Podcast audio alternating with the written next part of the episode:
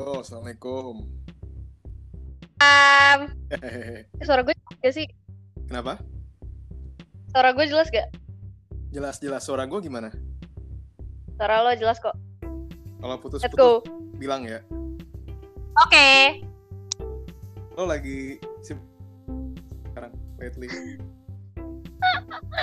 Harusnya gue eh, apa namanya? Gue sebenarnya lagi gabut ya akhir-akhir ini, cuman kayak I'm supposed to be working on an EP. Harusnya kan lo yang ngerjain gila. It's your turn, it's your turn, it's your turn. Tapi eh, sekarang gue lagi ini sih lagi nggak ngapa-ngapain. Gue lagi libur semester kan kuliah. Cuman ini tadi sebelum lo ngajak gue podcast tuh gue lagi bikin sesuatu I think for my SoundCloud later. Hmm, original cover. Eh, enggak, it's a original, original, not cover.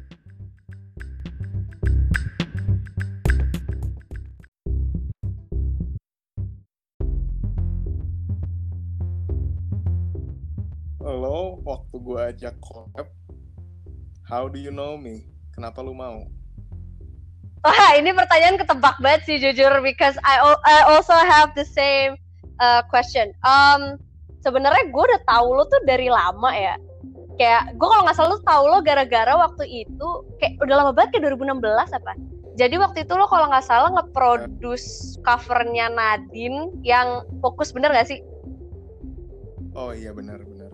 ya kan gue tahu dari situ tuh kan terus tapi di situ ya udah gue cuma tahu nama lo doang gue juga baru keinget tuh pas udah collab sama lo terus kayak eh kak Iki tuh yang waktu itu produce Nadine kan sih gitu kan terus eh, ini gue mau collab sama lo karena waktu itu lo mention nama gue di acara mukbangnya Uprising. Gue bener kayak wah gila ini apa namanya it's an honor aja gitu. Kayak ada produser yang mau collab sama gue dan berani gitu mau apa expose ke orang-orang gitu.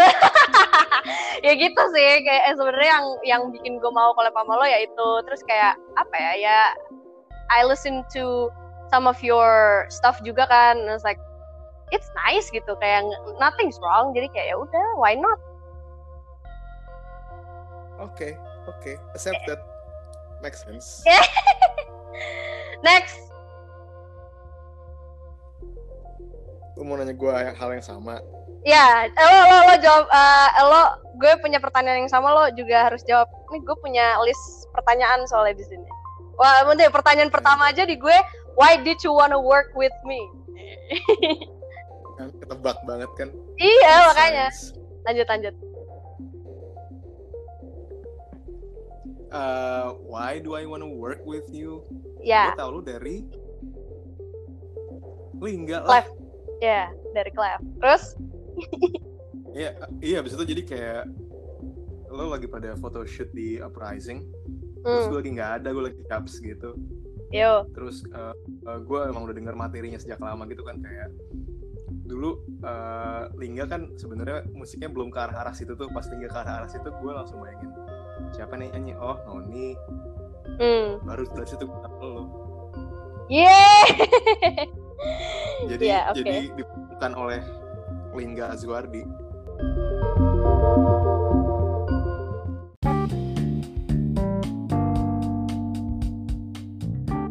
Lu pertama kali ke expose dan lu ngediscover kalau lo penyanyi itu umur berapa?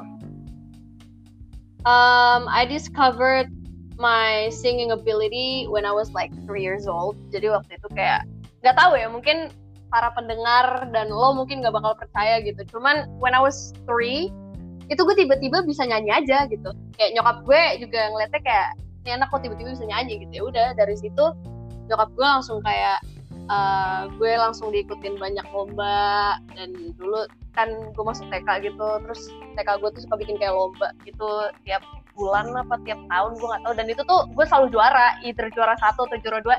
Not to be cocky ya cuman it's the truth gitu. Emang lu masih kayak gitu lah pokoknya. Emang lu masih inget 3 tahun? gue ingetnya pas gue 4 tahun sih. Gue kayak nggak tahu deh pokoknya nyokap gue bilangnya gue tiga tahun tuh gue udah bisa nyanyi. Dan gue juga eh, memori gue pas gue umur 4 tahun itu gue tiba-tiba bisa nyanyi gue nyadar sendiri waktu itu pas gue empat ya inget gue cuman nyokap gue bilangnya dia tahunya gue bisa nyanyi tuh dari gue umur tiga Wah, berarti lo udah sering ikut lomba gitu sampai SD sampai SMP gitu-gitu. Yoi bro, gue SMA ikut kayak FLS 2N. Lo tau gak sih kayak lomba FLS 2N gitu? Yang nasional gitu. Nggak tahu, nggak tahu. Apa tuh? Ya ada deh pokoknya. Kayak kalau misalnya dulu kan uh, Olimpiade Sains tuh O2SN kan, OSN gitu ada. Nah, tapi uh, versi seninya tuh namanya FLS 2N. Nah, gue tuh ikut itu pas SMA kayak 2 atau 3 tahun berturut. Dan itu uh, gak tahu ya pas dua ke, tahun kedua ke tahun ketiga gitu gue dapet juara harapan satu sebelumnya gue dapet juara satu setingkat Jakarta Pusat dua dan itu gue cuma sampai situ doang sih cuman kayak gak nyampe DKI Jakarta cuman ya intinya gue sering sering ikut lomba juga lah dulu gitu jadi semua yang lo lewatin dari TK sampai SMA itu kayak mempersiapkan lo hari ini gitu Iya dong, gila kali. Kenal KB itu lo kenal dari mana? Oh, kalau gue kenal KB itu jadi dulunya kita ada di satu vocal group gitu. Kayak it goes way back, man. Kayak gue waktu itu masih umur sekitar kayak tahun apa. Ya pokoknya umur segitu lah. Uh, SD lah gue, SD. Terus kita we got into this the same vocal group gitu kan. Uh -huh. And ya udah dari situ gue kenalnya tapi dulu tuh kita nggak sedekat itu gue tuh baru bener-bener deket sama dia tuh pas udah gede kayak I think when I was like still 17 18 tuh gue baru udah mulai deket sama dia dulu dulu mah sebenarnya nggak deket cuma kayak gitu. pas udah ketemu lagi baru deket kayak temen kursus bareng gitu ya. Kayak temen iya. grup bareng oke okay. what's yours? Um I have a question cuma gue takut kalau misalnya gue quit. Ntar recordingnya ini lagi coba ya. Halo can you still hear me? Yes. Oke. Okay. I have a question. Jadi ini kan lagu lo kan? Crawl itu kan jatuhnya lagu lo gitu. You're the main artist gitu kan? yeah. Tapi kenapa instead instead of going with your own way gitu maksudnya kayak nih uh, gue bikin musiknya kayak gini terus lo kasih ke gue tapi lo malah nanya ke gue jadi prosesnya kan waktu itu lo nanya ke gue lo pengen bikin musik yang seperti apa dan bla dan bla bla bla bla tapi kenapa lo seperti itu gitu kenapa nggak lo bikin dulu musiknya in your own style in your own way gitu baru kasih ke gue gitu. ngerti gak pertanyaannya ngerti ngerti ngerti karena gue okay. yes. Mungkin kebiasa kerja sama singer kali ya. Hmm. terus kayak gue karakter gue ada cuma gue adaptable banget sama suara vokalisnya nanti gitu oh. Dan yang dan yang poinnya adalah gue pengen lo comfort gitu. Gue pengen kayak lo apa yang pengen lo coba kayak something new dan lo nge-challenge gue something new at the same time. Ngerti kan gue halo ya pokoknya gitu lah. I'm talking to myself right now so. Um, apa jadi uh, this collaboration tuh menurut lo gak cuma sebagai kayak just collaboration jadi kayak you want to try something new juga kayak you want to learn something new gitu? For you? Uh, iya karena gue udah kayak sebenarnya bikin-bikin lagu-lagu chill R&B pernah cuman gue nggak pernah rilis gitu atas nama gue sendiri gitu kan ya. Karena oh, baik baik. kolaborasi pasti butuh collab kan nggak mungkin suara gue gitu. Ya udah pas lo pengen oke okay, baik. pas lo pengen gue pengen yang slow yang santai yang yang kayak gini gitu terus hmm. oh can do that gitu. Hmm. baik. Next. Lo biasa nulis lagu itu personal story atau story orang lain? Sebenarnya ya sejauh ini most of my songs were created based on my personal stories. Except for yang sama Lingga. Itu gue benar-benar pure fictional sih. Tapi ada bumbu-bumbu personal juga tuh kan. Ujung-ujungnya gue bikinnya personal story sih. Emang most of my song personal. Gak apa-apa gak apa-apa kalau tapi kadang berarti apa? Ya gimana? How's the story behind crawl? Crawl was actually written in a very apa ya maksudnya kayak gue tuh nulis Crawl sebenarnya lo kan pengen bukan pengen ya maksudnya kayak the whole trilogy for this um, single release kan itu buat apa sih konsepnya itu kan toxic love gitu kan. Tapi kalau crawl tuh sebenarnya gue bener-bener nulis itu pure because of like one sided love. Tapi kayak gue nyocokin liriknya sama materinya juga gitu. Sebenarnya one sided love kan ya you can you can write it in a very childish way you can write it in a apa ya pokoknya banyak cara gitu buat nulis one sided love. Tapi untuk lagu ini specifically gue bener-bener nyocokin lirik gue sama materinya gitu. Ada beberapa lirik yang sengaja gue bikin agak lebih sensual to fit the lyrics with the apa ya, with the music gitu loh. So yeah it was it was it was actually about one sided love. When uh, jadi gue lagi suka sama orang habis itu kayak ini orang kayak dia ngasih gue banyak gitu. Maksud gue kayak he keeps he kept giving in tapi tiba-tiba dia cabut gitu aja. Nggak ngomong apa-apa. That's why kayak ada kata-kata like silent treatment di lirik gitu. So yeah, it was actually about one sided love. Cuman menurut gue in a way it's toxic because you're not saying anything. The the fact that you're not saying anything it's pretty much toxic gak sih? Maksudnya kayak ya setidaknya lo ngasih closure lah. Jangan tiba-tiba cabut gitu aja gitu. Oke. Okay. lo kira-kira orangnya udah dengerin lagunya belum Haha, udah dong orang pas lagunya lir eh, lagunya rilis dia nge-reply DM eh nge-reply DM nge-reply story-nya cuy. Congrats! Gitu bro. Ah, gue cuma bisa tawa sih ngeliatnya gitu.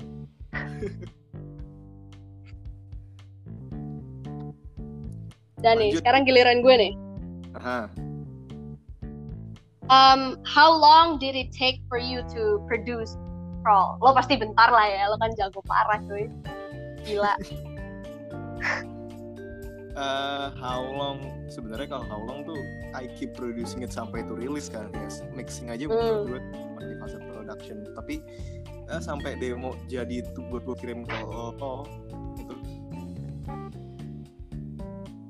three days atau four days ya nggak sih gue lupa Shit. ya nggak wah saya kurang tahu saya lupa ya. Ya tapi kayaknya waktu itu juga kita we keep in contact for that song for like weeks sih inget gue kayak I think a week deh lo bikinnya. Kayak lo ngasih ke gue tuh awalnya kan terus habis itu nggak lama ya paling tiga empat hari lo langsung ngirim ke gue kayak nih yang versi udah pixel gue seperti ini gitu. Ya segituan lah inget gue. Yep. uh, mungkin mungkin sebenarnya kalau time consumingnya mungkin four days gitu, gitu. Tapi mungkin gue kayak lagi ngerjain yang lain atau lagi sibuk yang lain jadi gue baru reach in week after gitu gitu sih. Yep. tapi tapi uh, gue ngerjain terus sampai sampai ada vokal pun masih gue produce hitungannya. Jadi kayak sebenarnya three months four months karena kan three months? ya kan kita kan tahan-tahan kan iya sih kan kita udah jadi nih terus kita nggak langsung rilis gitu kita tahan-tahan dan gue tuh sebenarnya ngulik soal kasih gitu loh tapi sebenarnya si crawl ini tuh crawl ini tuh uh, sebelum lo mutusin buat rilis kemarin tuh emang aslinya harusnya rilis kapan sih? Harusnya itu kan ngejar-ngejarnya kan uh, winter-winter tuh. Harusnya sih last year akhir-akhirnya nggak sih kalau nggak salah. I completely forgot. kalau nggak akhir-akhir tahun 2019 kalau nggak salah. Sumpah gue lupa terus ya Januari gue Januari tahun kemarin gitu ya kita selingin kan kita ngerjain I don't know you, I don't know you dulu habis itu baru gue kelarin si crawlnya sih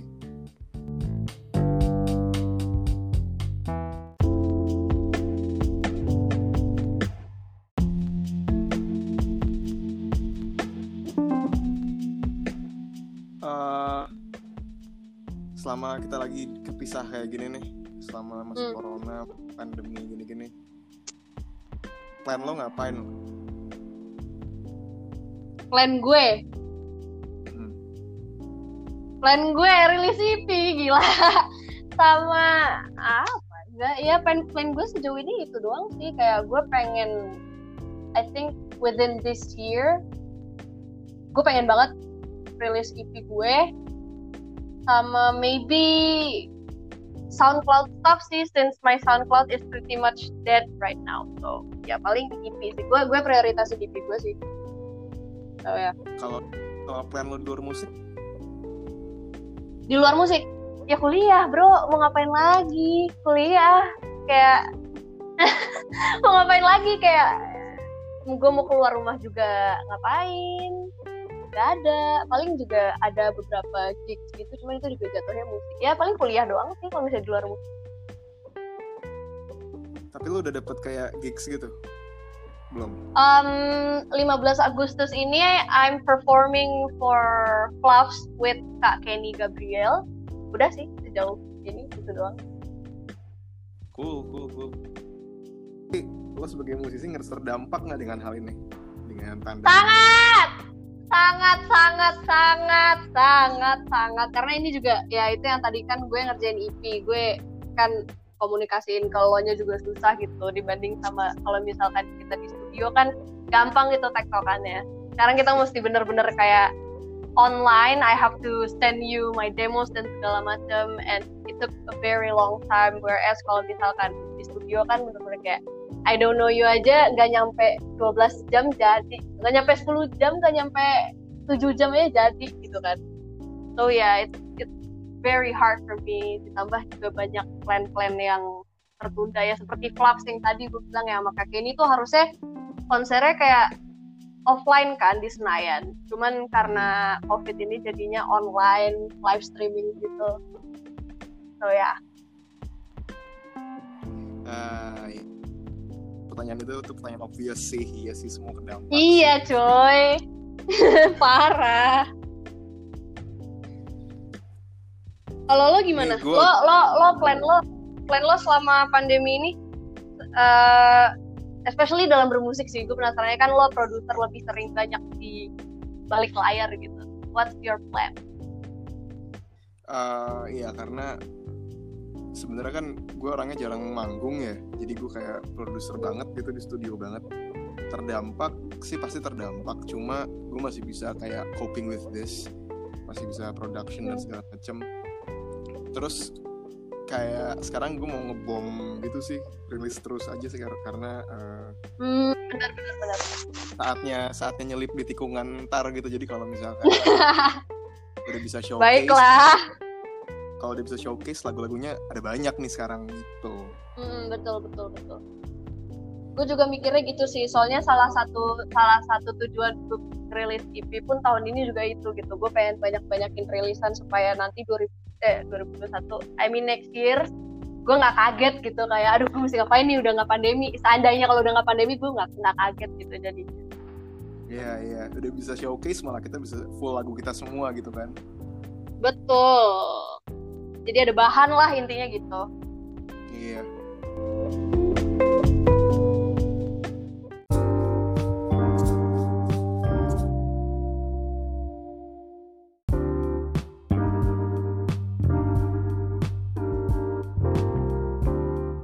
What is your favorite part from our song Crawl? Tapi lo nggak usah, nggak harus jelasin dari liriknya. Maksudnya kayak lo nggak usah lo nggak nggak harus dari liriknya tapi dari sisi productionnya juga what's your favorite part aduh still hard uh, wait uh, gue suka pertama kali itu uh, your first sentence hmm. I just had enough itu udah kayak first sentence dan udah nembak aja sih karena hmm. karena chordnya kan chord yang smooth gitu tapi kenapa just had enough we just begin we just begin uh, oke okay. sentence-nya udah just had enough tuh kayak oh question mark terus mm -hmm. uh, realization dari lirik or maybe I expecting too much uh, ya gue juga suka bagian itu sih. Iya itu kayak realization antara ini yang one sided siapa nih? Yang one sided hmm. love-nya tuh siapa yang expect siapa gitu tuh. Mm-mm. terus eh, apa lagi ya?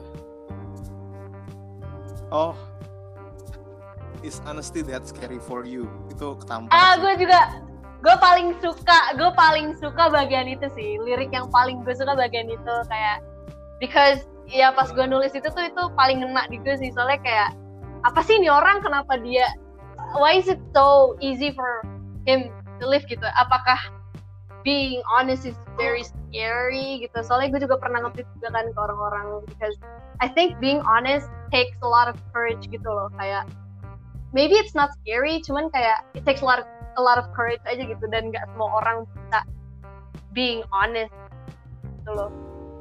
I, I- it's my favorite lyric. Karena lirik itu nggak cuma buat si si orang yang menceritain si antagonis tapi lirik itu buat yang dengerin gitu tuh kayak ketampar semua. Benar benar benar benar. It applies to everyone gitu. Iya iya. Yeah yeah I like that part I really like that part. Too ya udah Eh, my last sisi question for sisi production nggak ada sisi production yeah your favorite eh, apa kayak your part your favorite part from the producing apa sih ya gitulah kayak agak-agak narsis tapi Gak apa-apa, gak apa-apa, gak apa-apa. Gue juga tadi Uh-uh. narsis kan gue bilang I like my lyrics, jadi ya udah. Eh, ini uh, additional keyboard itu namanya Ega Wirats mm -hmm. pasti is honestly that scary for you is honestly uh-huh. itu ada uh-huh. ada lines dari dia tuh pang itu kayak mm -hmm. Gue gua suka sih ada ada ada ada apa ya canonnya gitu ada yang question and answer gitu melodinya kayak ngejawab melodinya mm-hmm. mm. juga kayak ngejawab lirik-liriknya gitu terus cara dari production hmm, pas I waste my time Mhm. itu itu kan sebenarnya rame banget tuh Mhm.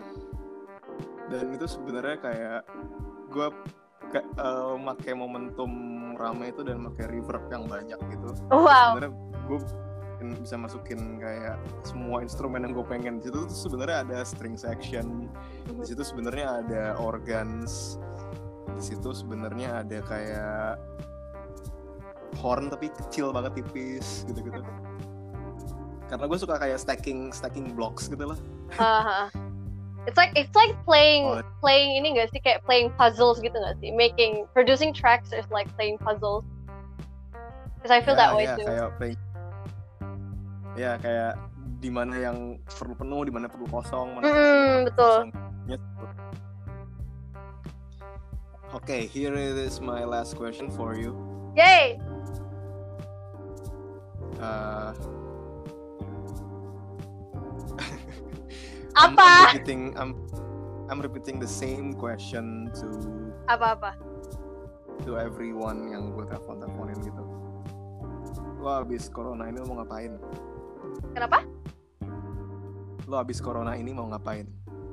Gue pengen ke Semarang, bro. Barang-barang gue masih di sana semua. Dan kayaknya udah pada berjamur kayak I've gue jadi tuh gue balik ke Jakarta itu sebelum corona kan.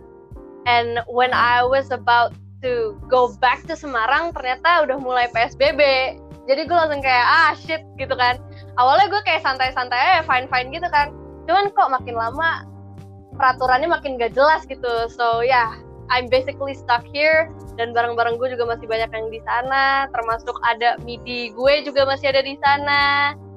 Ya, a lot of things lah. Baju-baju gue juga, ya Allah, gue gak bisa ke Semarang. Kayak literally pengen ke Semarang cuma buat ngambil barang doang terus balik lagi ke Jakarta. Udah. Karena gue kuliah di sana kan, jadi kayak gitu. Kalau lo ke Semarang terus udah pada jamuran semua dan gak ada yang bisa lo bawa pulang gimana? Asyik, oh my god, kayak gue nangis deh. Soalnya gue terakhir kayak gitu, gue nangis sumpah demi Tuhan. Kayak gue, gue waktu itu semester 2, gue ke Semarang kan, tuh kuliah kan. And then when I got into my room, there were, oh my god, kayak bener-bener kayak jamur everywhere, even on my pillow. And when I was like cleaning my um, apa wardrobe kayak apa lemari dan segala macam gue bener-bener tiba-tiba gue nangis saking gue kayak why is this happening to me gitu kenapa nggak ada nyokap gue yang bisa bantuin gue itu bener-bener gue ngebersihin semuanya sendirian kayak kayak gue nangis sih. Cuman ya mau gimana paling gue stay di sana untuk for some days sampai semua barangnya um, bersih gitu baru gue balik ke sini. Cuman what's the point juga sih? Cuman tiga bulan itu kan tiga bulan bayangin aja. makanya aduh ya Allah think just thinking about it makes me oh my god gue gue merinding banget sih jujur